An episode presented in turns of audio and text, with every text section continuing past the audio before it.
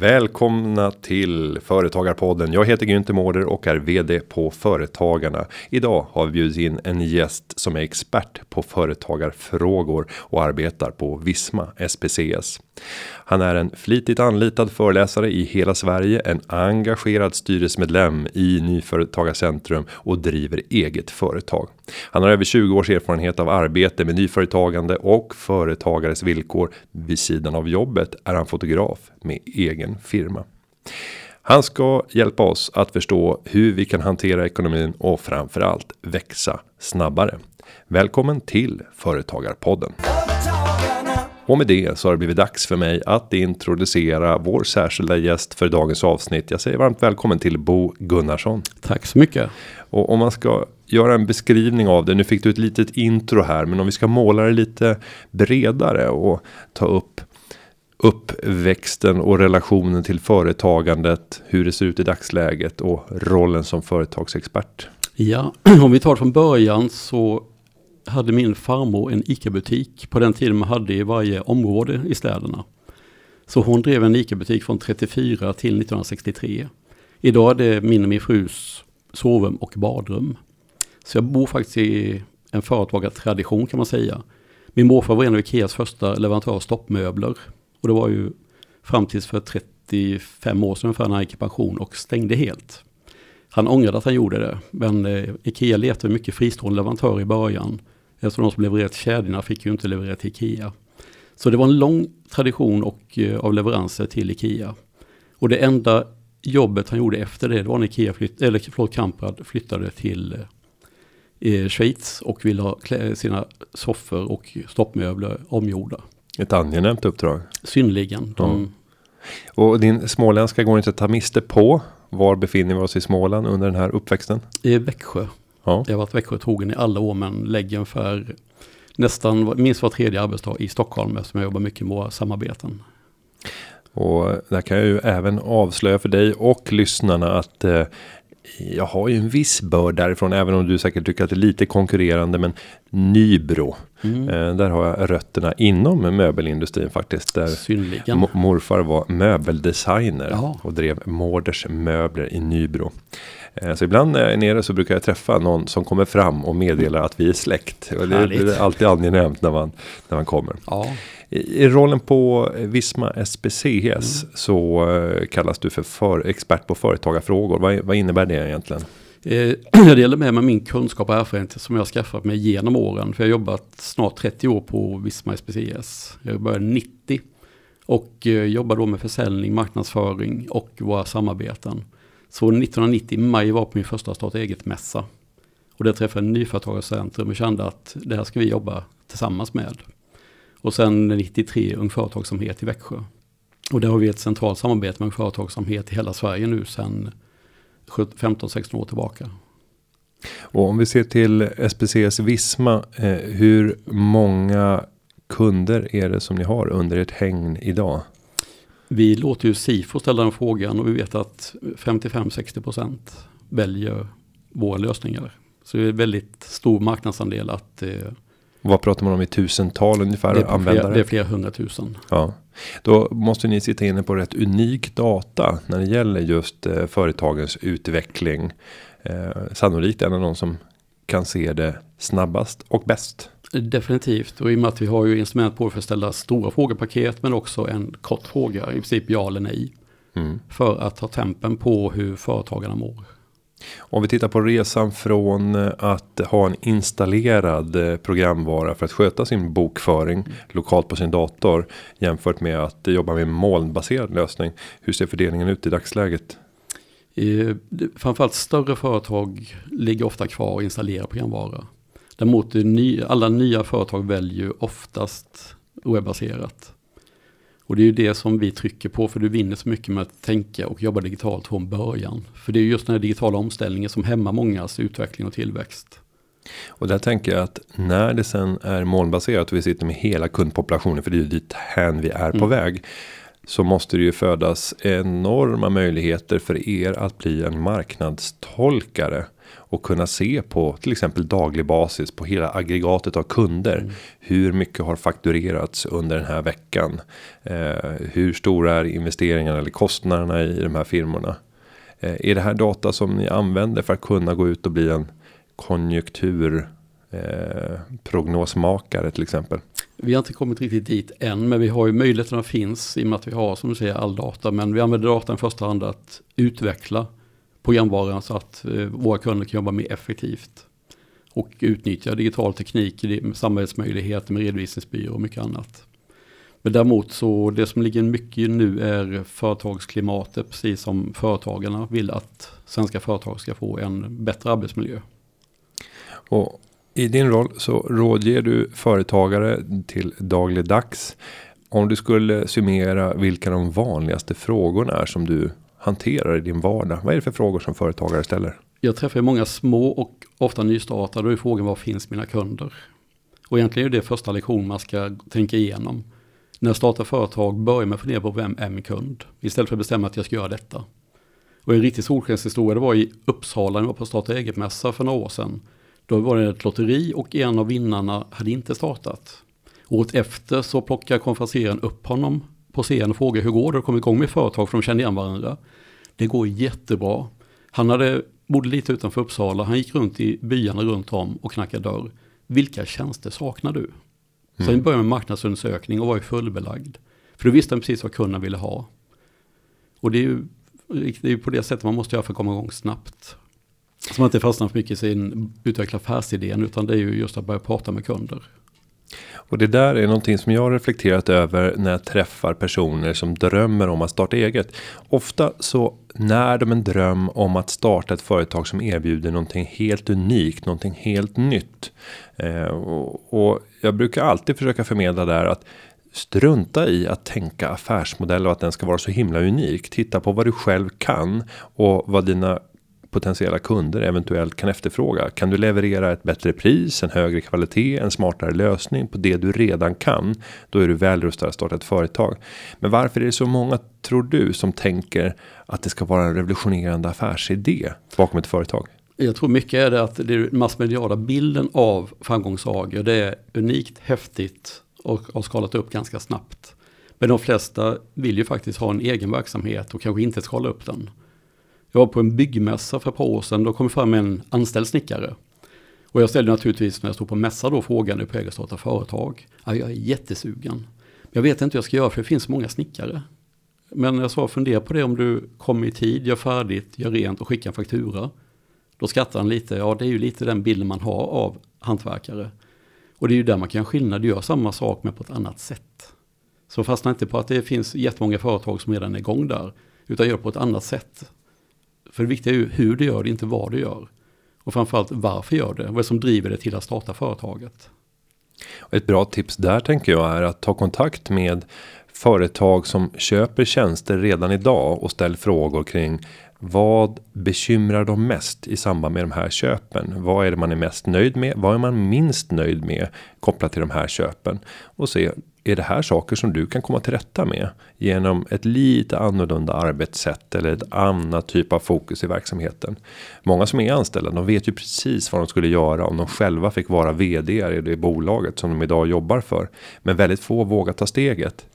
Eh, men om vi går tillbaka till nyföretagandet eh, och sen så tittar vi på när är den bästa, det bästa tillfället att starta ett eget företag. Om vi resonerar lite grann kring mm. eh, livets olika skeden. Det kan ju vara direkt efter gymnasiet och det kan vara i samband med pensioneringen och allt däremellan. Men om du får resonera lite kring lämpliga tillfällen att starta eget och vad man bör ha skaffat sig innan man gör det här. Vad skulle du säga? Jag skulle säga spontant egentligen när barnen står på egna ben. För jag träffat många för tio år som var mamtreprenörer, ett väldigt innebegrepp. Och det betyder att när du var föräldraledig, då bör du tänka på eget företagande. Men samtidigt är det så mycket ett stort ansvar att ha barn i en familj. Så att det måste få fokus. Däremot märker jag när jag varit rådgivare i mentorprogrammet på Nyföretagarcentrum. Är du den åldern att barnen kan ta sig till skolan själv. Och du har, känner att nu har jag faktiskt de här längre luckorna. Att jag kan få ett par timmar om dagen. Där jag kan fokusera på min egen verksamhet. Det är de som har kommit igång snabbast. Och då pratar vi att barnen ska ha, om de finns, eh, ska ha nått en ålder av en nio år eller ja, tio där, år? där någonstans. Mm. Och sen beror på hur, hur, var man finns någonstans. Det bor ett litet villaområde med promenadavstånd till skolan så är det enklare än om du ska skjutsa och hämta. Mm. Så mycket är liksom att hitta pusselbiten företagande i livspusslet. Så att det blir liksom en bit som passar in och inte något som ligger skaver och ger otrygghet. Och många eh, får ju barn relativt sent idag. Om vi tittar i de största städerna så är det inte ovanligt att man är över 35 till och med och i enskilda delar av städer. Jag tror att eh, eh tittar vi till exempel på Östermalm i Stockholm så såg jag eh, tal kring 40 år för första gångs föräldrar. Eh, vilket är någonting helt annat än hur det såg ut för 30-40 år sedan. Men om vi då säger 35 år och sen så har barnen då, eller att du får det sista barnet vid 35. Ja, då har du hunnit bli 45 år innan du startar din verksamhet. Är inte det väl sent då? Jag tycker inte det, för det är precis som du sa att även pensionärer startar ju. Det är fler pensionärer som startar än unga.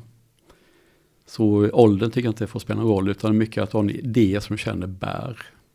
Men om jag ska pröva och utmana det här nu då. Eh, när du befinner dig i ett sånt här skede i livet och du har barn som börjar äntra tonåren. Så vill jag hävda, även om jag inte riktigt har kommit dit, min äldsta är ju nio nu. Eh, så misstänker jag att kostnaderna skenar. Eftersom tonårsbarn kräver någonting helt annat när det kommer till eh, kläder och attribut som man behöver för att kunna eh, leva det livet som de önskar. Sen är det ens förälder, som förälder uppgift att, att mota bort en del av det där. Men jag tänker att kostnaderna stiger i samband med det. Eh, och att vi sitter i ett boende som kanske är ännu större än när barnen föddes. För att det ställer högre krav med tonårsbarn när det gäller ytor för att kunna få en dräglig tillvaro hemma. Jag ser framför mig en värld full av ganska mycket fasta kostnader. Och att i det läget kastas in i ett eget företag. Är det inte bättre att göra det redan när man har slutat gymnasiet eller precis när man är färdig från sina akademiska studier. Då har man ju kanske inte ens ett enda barn. Man kanske inte ens har träffat sin partner. Man har 100% frihet. Är inte det en mycket bättre tillfälle att starta eget bolag? Jag tror det, det är självklart så att kostnaderna sticker iväg när barnen blir äldre. Men samtidigt är det också det som hindrar många från att starta företag. Vi vet ju att var tredje vuxen i Sverige vill starta företag. Men det som hindrar är ofta just att man lämnar tryggheten och det är ju även ekonomiska tryggheten. Och likadant om man tittar på när man startar företag så är det 8 av 10 finansierar staten med egna medel. Och det är där man ofta glömmer just att jag ska leva och bo. Så det är inte bara att det företaget kostar att starta upp. Eh, ofta är du tjänsteföretag idag och då har du inte så mycket fasta kostnader. Men du ska ju fortfarande betala hyra, mat och annat. Så jag tror, precis som du säger, att det bästa vore egentligen på pappret att starta upp och börja tänka företagen redan efter gymnasie eller efter gymnasial utbildning. Men många vill gärna börja jobba därvid, även om man säger att man vill starta företag. Så lever vi också i en gig-ekonomi idag. Som förr i tiden på 1800-talet var det dagsverke, du har ett frilans i många branscher och idag har du många uppdragsgivare. Och där har du också en trygghet för du vet ju aldrig när du får uppdragen. Och det är bättre att testa det, det företagslivet innan man bildar familj, definitivt. Och om jag ska vända och titta på de negativa aspekterna med en tidig företagsuppstart. Då kommer vi till de här erfarenhetsdimensionerna. Det är få som direkt har slutat gymnasiet eller gått ut och tagit examen från högskolan som har erfarenhet av personalledning, organisering, ekonomi, att eh, kunna jobba med inköp, att ha leverantörskontakter, att förstå kundrelationer, förstå sälj, kunna förstå kundsupport.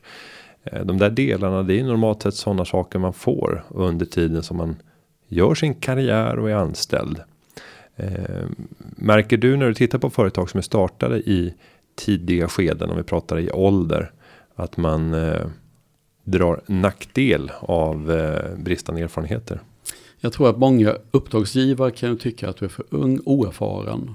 Och samtidigt vill ju en del testa unga förmågor och ge dem en chans att komma igång med också lära hur ser våra kunder ut framåt. För många företag som har funnits många år har ju kanske, måste ha koll på hur kunderna ser ut, kundstocken. Och där tycker jag också att ung företagsamhet kommer in med att skaffa erfarenhet, där du skaffar erfarenhet av företagande. Och det är ju dessvärre bara var tredje gymnasieungdom som får den möjligheten. Och samtidigt inget självändamål att alla ska starta företag. Men UF ger det företagsamhet och kontaktnät. Och det har du nytta av hela livet. Ja, och inom ung företagsamhet så handlar det inte om att alla ska starta eget utan få en förståelse för hur det är att driva eget. Och jag vill nog hävda att ingen kan vara bli sämre rustad för framtiden genom att få den typen av kunskaper, utan det kan bara vara en fördel. Mycket en rättvisefråga. för många tycker, ja men naturvetarna, men blir du forskare så gör du det med anslag på F-skatt. Och som anställd blir du mer attraktiv. Just då du lär dig kundkontakter väldigt mycket. Så definitivt är det att lära för livet. Och tar man de som går till exempel olika typer av kulturella utbildningar. Eh, estetiska utbildningar. Ja, där kan du nästan med bestämdhet säga att det vilar inte en arbetsmarknad där ute där eh, det kommer att finnas 8 till 5 jobb. Utan nästan alla kommer att tvingas in i ett liv som egenföretagare för att kunna ta uppdrag baserade på den kulturella yttring som man eh, kanske har, har skaffat sig eller den kunskap som man har skaffat sig. Eh, men i de grupperna så är det lite mindre vanligt att man får skolningen via ung företagsamhet. Eh, tyvärr är det på det sättet och det är ju ofta de som behöver det som inte får det utan det är ekonomerna. Ekonomprogrammen i första hand börjar komma ut mer på yrkesprogrammen. Och det glädjer mig. Jag träffar en del seniorer, bland annat i Örebro så var den uppe till diskussion med regionen, kommunen, lärare. Att öka tillgången till UF på yrkesprogram. Då var det en lärare från Karlstad, eller lite utanför Karlstad, Värmland någonstans, som älskar sitt jobb. Och berättade hur han omvände killarna och tjejerna på fordonsprogrammet. Där de fick göra det på riktigt. De öppnade verkstad under sitt, eh, i sina UF-företag. Fick ta hand om bilarna, dokumentera när bilen kom in ställa diagnos, skaffa reservdelar och laga. Och sen berätta för kunden vad man gjort och ta betalt. Och då blir det på riktigt. Mm. Och de är ju väl förberedda för både egen verksamhet eller öka sin anställningsbarhet. Ja, det är bra, bra exempel. Eh, men om vi sen går vidare till nästa fråga vid en företagsuppstart. Då kommer vi till det här Ska jag gå in 100% i mitt eget företagande eller ska jag smyga igång den? Alltså parallellt med en anställning och en trygg försörjning successivt öka andelen eh, som kommer från eget företagande för att kanske över en femårsperiod eller liknande kunna fasa ut det gamla jobbet helt och bli 100% företagare. Vilka för och nackdelar ser du med med respektive modell? Mycket är fördelen med tryggheten. Att ha kvar anställning och sen växla över till eget företag. Man vet man om att jag har kunder när jag startar, då är det lättare att ta ett större steg. Men vi ser bara på, hos min egen arbetsgivare, vi uppmuntrar ju kollegor som vill starta företag. Du kan gå ner i tjänst, jobba kvar och smyga igång din verksamhet. Och det är ju två vinnare på det, både att vi ökar vår kunskap om företagande, när vi har fler kollegor som är företagare och det är mellan 50 och 100 nu. Så det är ganska stor andel. Så det är ju en stor för man lär sig mer. Och samtidigt blir det en attraktiv arbetsplats där du har möjlighet att kombinera. Finns det inte risker att man faktiskt inte realiserar den fulla potentialen, kanske lägger ner sitt bolag för att man inte kan ägna det den uppmärksamhet som det krävs för att det ska slå? Det är en stor risk och det är också lite var du befinner dig i livspusslet. Om du har den tiden eller inte och det är därför du kan gå ner i tjänst. För att eh, prova att starta företag. Men alla har ju inte den möjligheten tyvärr. Så det är ju också en uppmaning till arbetsgivare att istället för att bakbinda en anställd så kanske det är bättre att fria potentialen. Och istället få en, förhoppningsvis en anställd som trivs bättre. Men alternativet är ändå att vill de starta så gör de det. Och sen tänker jag även i förhållandet mellan, mellan anställning och eget företagande. Att Eh, det handlar inte om 100% tid och att du går ner från en 100% tjänst till 75 och lägger 25 på företagandet. Utan ofta så krävs det att du jobbar in hemult mycket. Mm. Så att det kanske blir 75 plus 75% för att kunna få det här företaget att kunna stå på egna ben. Eh, är många medvetna om att det här är vad som krävs för att kunna parallellt med en anställning starta ett eget företag? Jag tror att långt ifrån alla är medvetna om det.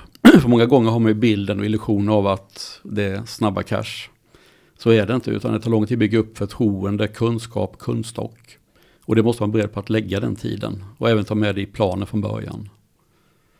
Och sen när man har startat igång sitt företag. och Då tänker jag att det absolut vanligaste. Det blir ju att du erbjuder någon typ av tjänst baserad på ditt kunnande. Eh, och där möter jag ju många som har en mycket felaktig bild av vad du borde ta betalt per timme för att kunna få en kompensation som motsvarar den anställning som du just idag uppbär. Varför är det så svårt att, att översätta vad vi behöver fakturera för att kunna få ut en motsvarande lön som vi har i dagsläget? Alla tenderar att underskatta det där enormt. Det är väldigt synd att det är så, men jag tror att man tittar lite, jobbar på ett företag om att de konsulten vi anlitar, de debiterar kanske både 1500-2000 i timmen. Om jag lägger mig på 500 får jag mer uppdrag. Men samtidigt så måste man göra hela kalkylen och 500 det täcker möjligtvis dina levnadsomkostnader. Så det är ju mycket till som man måste tänka på när man sätter priset. Och framförallt inte underskatta sin kunskap, för det är den som driver dig att starta företag. Och då är det bättre att fråga egentligen eh, en blivande kund hur mycket det är värt det jag gör. Och det är någonting som jag har testat ett par gånger nu när jag gjort fotouppdrag. Jag kan debitera per timme och andra tillägg. Men jag frågar istället hur mycket, när de får bilderna, titta på dem i lugn och ro och säg vad det är värt för er. Mm. Och jag har mm. faktiskt fått lite mer betalt än jag hade fått annars. Det är en kaxig prissättningsstrategi. Eh, men jag tänker också på det här att förstå just värdet som du skapar för kunden. Det är ju en annan, ett annat angreppssätt när det kommer till prissättning. För det vanligaste det är ju att man faktiskt tittar på vad kostar det för mig att framställa det som jag ska leverera och är jag ett tjänsteföretag då framställer jag timmar. Jag arbetar timmar, eh, men det man ofta glömmer det är ju vad har krävts i termer av eh, utbildning och i termer av praktik i form av tidigare anställningar för att bygga upp den kunskapsbas som du idag har. Och vad är marknadspriset där ute på det? Och ibland så kan man ju få höra personer som förfasas över till exempel när man anlitar en duktig föreläsare. En av Sveriges främsta föreläsare som ska komma och föreläsa en timme under en personalkonferens. Och så vill de ha 50 000 kronor för en timmes arbete för en föreläsning som de knappt behöver förbereda sig inför. För den där har de redan hållit 200 gånger. Men hur kan man ta 50 000? Ja, men det handlar ju om alla tiotusentals timmar som du har lagt ner för att kunna bli en av Sveriges främsta inom sitt område. Och det där skulle jag vilja att fler företagare eller blivande företagare förstod. Vad är det du har i ditt bagage? Hur kan man göra den där inventeringen och analysen av sig själv? Vad är mina kunskaper värda? Jag tror man måste tänka till på det mycket tid som du säger, hur många timmar har jag lagt? Och har jag jobbat i tio år då är det 20 000 timmar som jag har investerat i min egen kunskap. Hur når jag ut med det? För det är också viktigt att man har en målgrupp som vill betala för det. Och det är som du säger, man kommer till tjänster så är det jättekänsligt. Men går du in i en modebutik, varför skiljer det 500 spänn, ibland 1500 mellan två likadana tröjor, men olika märke på? Och det är så att man adderar värde i sitt varumärke från början. Och det viktiga är att man kommer ut och får visa vad man kan. Och det är ofta det som man är lite för blygsam i början. Sen ska man inte vara för kaxig, men jag tror att det är lite osvenskt att ta för sig. Tittar du på andra sidan det stora havet så har man en helt annan inställning till företagande. Och det är liksom, får man slå sig för bröstet och vara kaxig när man är duktig. Men levererar man så har det ett värde. Och det är bara frågan hur mycket värde ger det? En föreläsning för 50 000 eller 25. Mm. Men du är väl förberedd och det har du gjort genom många timmars bakläxa, hemläxa. Så du ställer ju inte och prata utan att veta vad du pratar om. Och gör det på ett sätt så att det når fram. Nej, jag tänker även inom, inom företagarna så möter jag många medlemmar som det går väldigt bra för. Eh, men där man gör allt som går för att inte skylta med hur bra det går. Jag har till och med stött på företagare som har en stor mängd anställda. Men som ändå driver verksamheten inom ramen för en enskild firma. För att på så sätt inte behöva redovisa mer än omsättningsintervallet baserat på den momspliktiga försäljningen. Det är det enda som utomstående kan se. Sen kan man gå in i den personliga deklarationen faktiskt för att se hur mycket du tjänar. Men det är ytterligare ett steg som gör att inte alla gör det. Eh, men jag blir nästan mörkrädd när jag ser personer som börjar ta alldeles för stort eget personligt ansvar för sin professionella verksamhet för att inte visa omvärlden hur bra det går för verksamheten. Eh, ser du någon förändring i synsätt i Sverige om du blickar tillbaka under 2000-talet? Kan du se någon trendriktning? Eh, blir det mer accepterat eller mindre accepterat att det går riktigt bra i ett företag och att kunna visa det? Jag brukar hävda när jag träffar nyföretagare och säger att jag vill, jag vill inte betala skatt. Och då frågar jag varför? Ja, men skatten du betalar är ju samhällets betyg på din verksamhet. Går det bra så betalar du mycket skatt så det är inget att skämmas för. Så jag tror att fler och fler börjar förstå det. Så det är fler och fler som längtar efter, det är kanske lite tryggare med ett aktiebolag att du är en juridisk person. Och samtidigt visar man både balansräkning och resultaträkning. Men det är lite det svenska jantelaget, men fler börjar förstå att tryggheten är viktigare än att visa. Och samtidigt många som ska göra upphandling eller handla upp tjänster tittar också på om det är en enskild firma eller ett aktiebolag. Även ett omsättningsfall på 10-15 miljoner i enskild firma så, men du vill göra affär med en juridisk person. Ofta en offentlig upphandling. Så jag tror att man bakbinder sig själv lite genom det resonemanget. Och där skulle man ju kunna önska att media förändrade fokus från att släppa de här listorna som heter här är personerna som tjänar mest där du bor till här är personerna som bor i din närhet och finansierar dina barns skolor och vägarna du kör på och biblioteket där du kan låna böcker och tar hand om eller se, se till att bereda möjligheter för äldre att kunna bo i äldreboenden.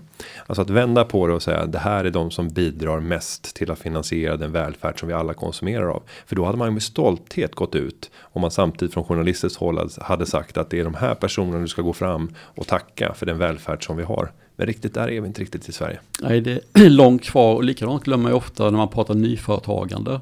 Och det är ju Nyföretagarcentrum duktiga på att göra mätningar och vet att ett företag som kommer igång levererar 80 000 i skatt till din kommun.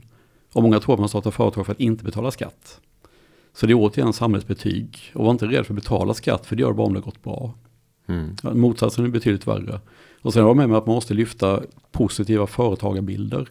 För många gånger när man såg nu, för någon vecka sedan var det här de som är miljonärerna i Växjö eller Kronoberg. Och det var ju inte miljonärer utan det var inkomst i miljonklassen. Och det är inte samma sak som att du är miljonär på pappret. Vilka kostnader du har för boende och annat. Så man, man har inte en rättvisande bild utan det blir lite nyhetsjournalistik. Mm. Men vänder man på det så kommer man ju förstå vad företagen bidrar med, både arbetstillfälle och skatter. Men om vi nu tittar på ett eh, bolag som har startats upp och nu vill vi växa den här verksamheten. Utifrån dina erfarenheter och kunskaper och det du ser hos Visma SPCs kunder. Vad är det för egenskaper och karaktäristika som du ser hos den grupp företag som lyckas växa och gärna år ut och år in? Många gånger att man vågar göra sin första anställning. Om det är personalintensivt. För väldigt många vill anställa men vågar inte. Jag hittar inte rätt kompetens. Men ser man att man hittar rätt kompetens så tror jag ligger mycket i att jag vet inte vem jag vill anställa. Så saknar du kunskap, skriv ner det på ett papper och då kan du också få en kravprofil på en ny medarbetare. Så att våga, för de som vågar anställa växer ju ofta. De som har handel, butiker till exempel, många fastnar ju det att nej men alla handlar på nätet, men du har själv grejerna på lager. Du har inte kunder inne hela dagen. Har du funderat på en webbshop själv, e-handel? Nej, jag ska inte svara paket. Men då kan jag inte vara bitter för att andra tar affären.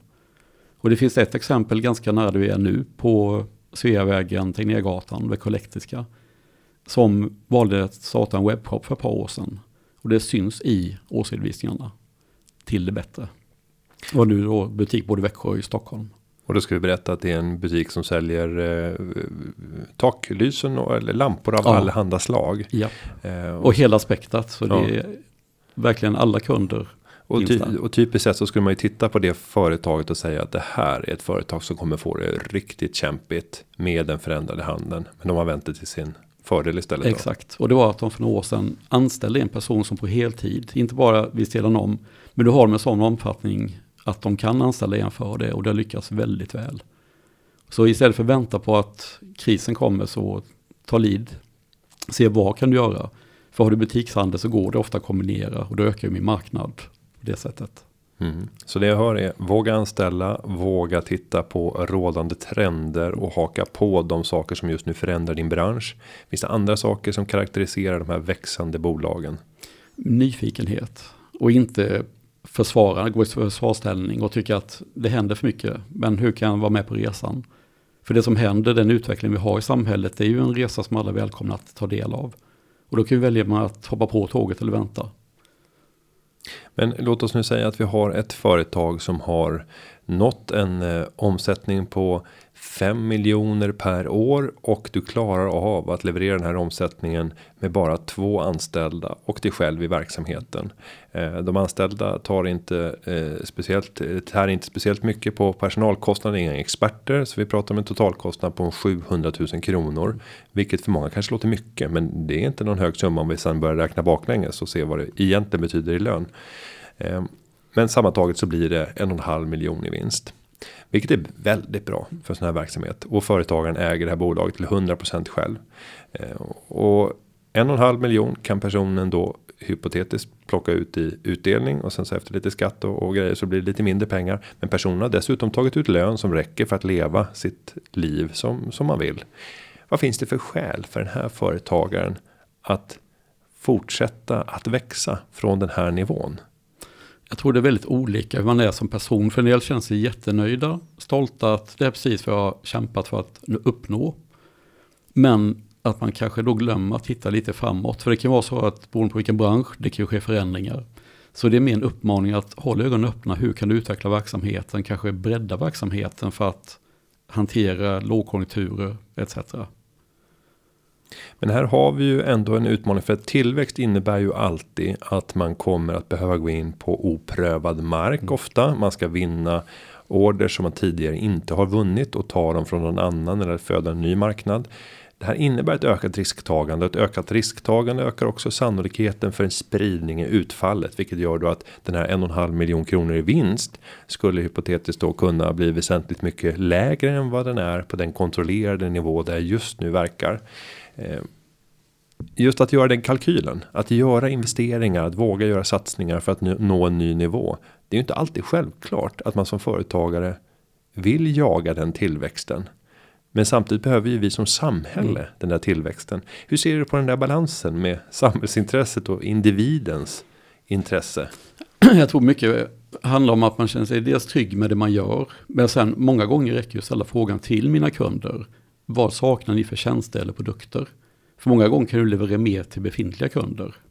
För det är antingen ska du skaffa nya eller utveckla relationer med befintliga. Och börja med att ställa frågan. För många gånger man tar för givet att äh, den här kunden kommer, jag behöver inte ens lägga budget för jag vet att de handlar för x antal hundratusen. Utan ta ett samtal och titta på hur gör vi nu 2020.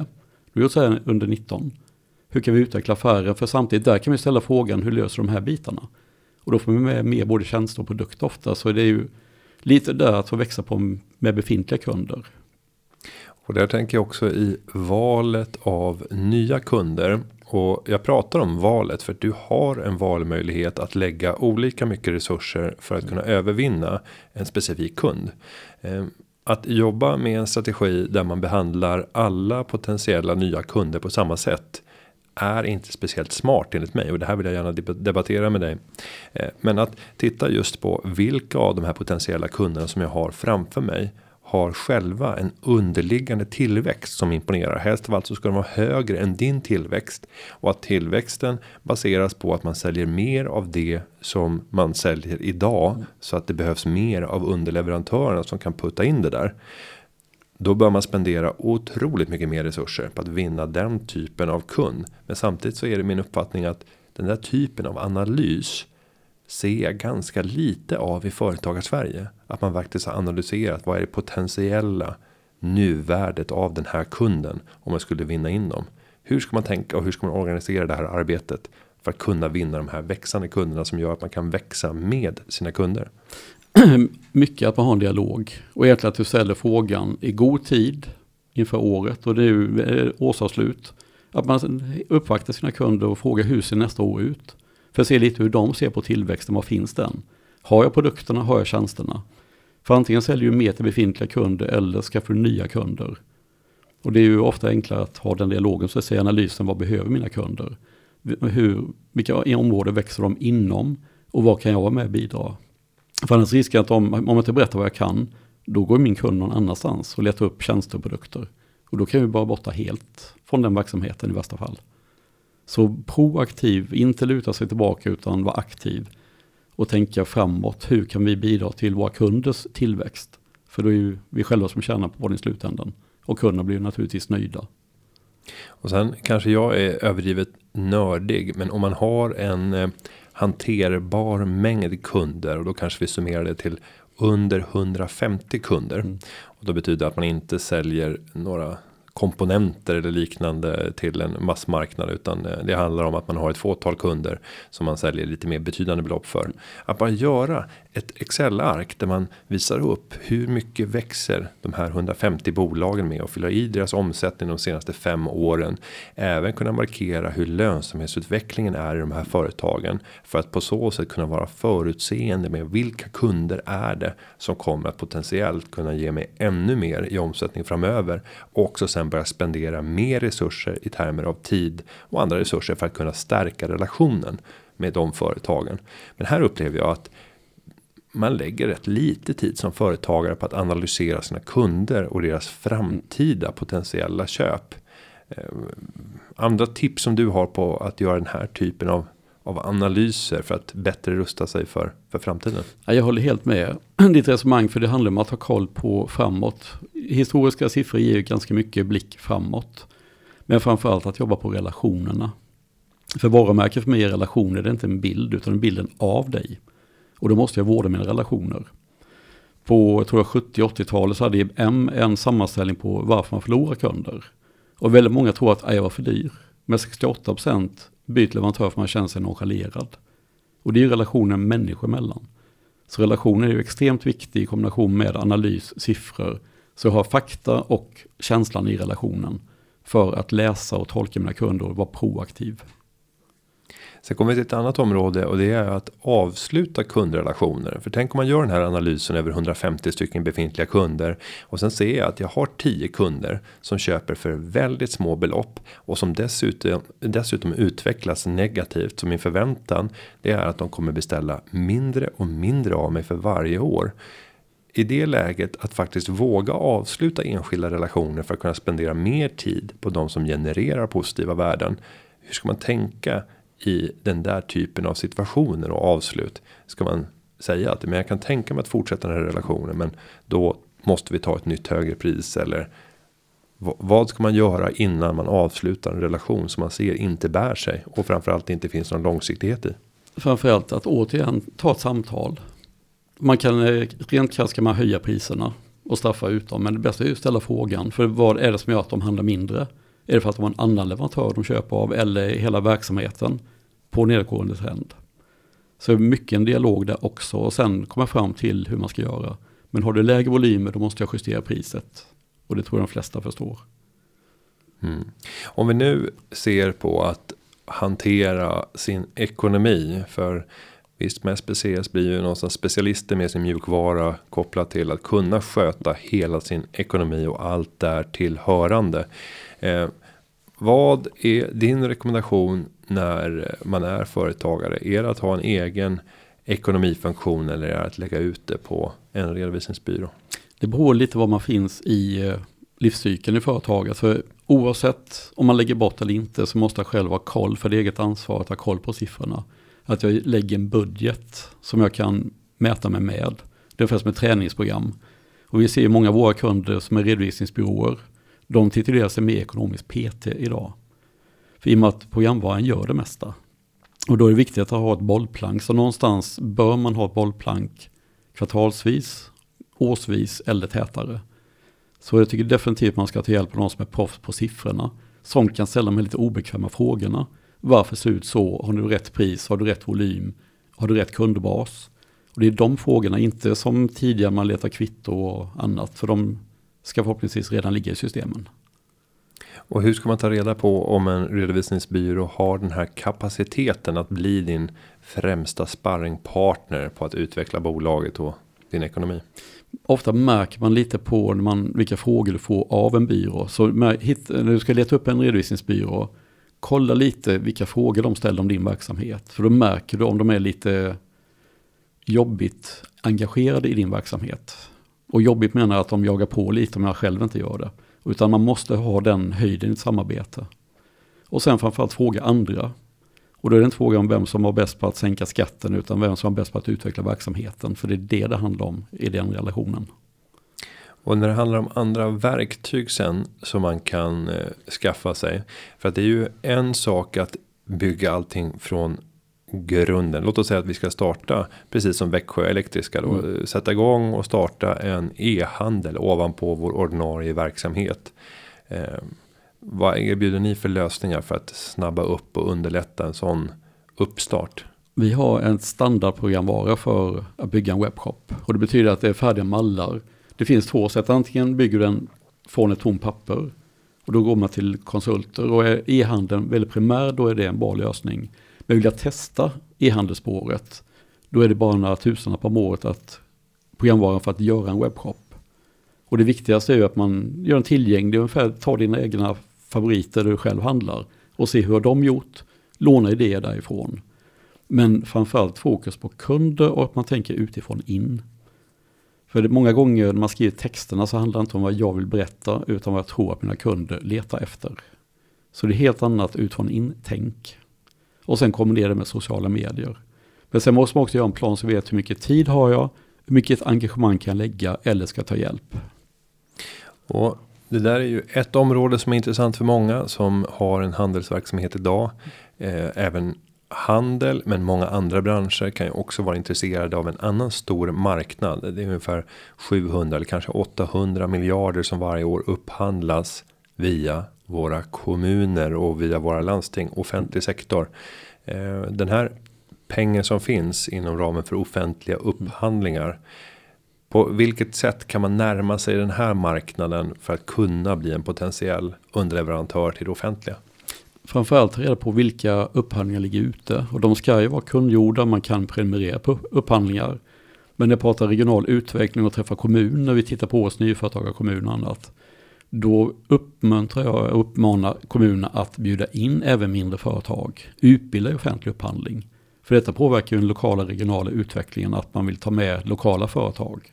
Och inte straffa ut för att du är för liten omsättning eller något annat. För det finns nästan parametrar bland upphandlingar som dissar alla mindre företag. Och då får ju vi som är värnar småföretagen också ligga på att man öppnar dörrarna för det. Utbildar offentlig upphandling och bjuder in så att fler kan lämna anbud och på det sättet ha möjlighet att leverera. Och om man ska fresta lite grann kring varför är det intressant med offentlig upphandling. Då kan jag nämna att för eh, en vecka sedan så gick jag på finalen av DI Gasell.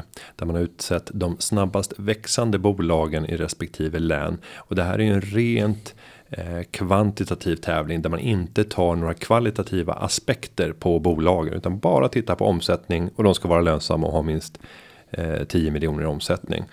Men jag skulle vilja dra det så långt och säga att en majoritet av alla de företagen som finns med i topp där har deltagit i offentliga upphandlingar och det är det som har gjort att man fått en omsättningsexplosion.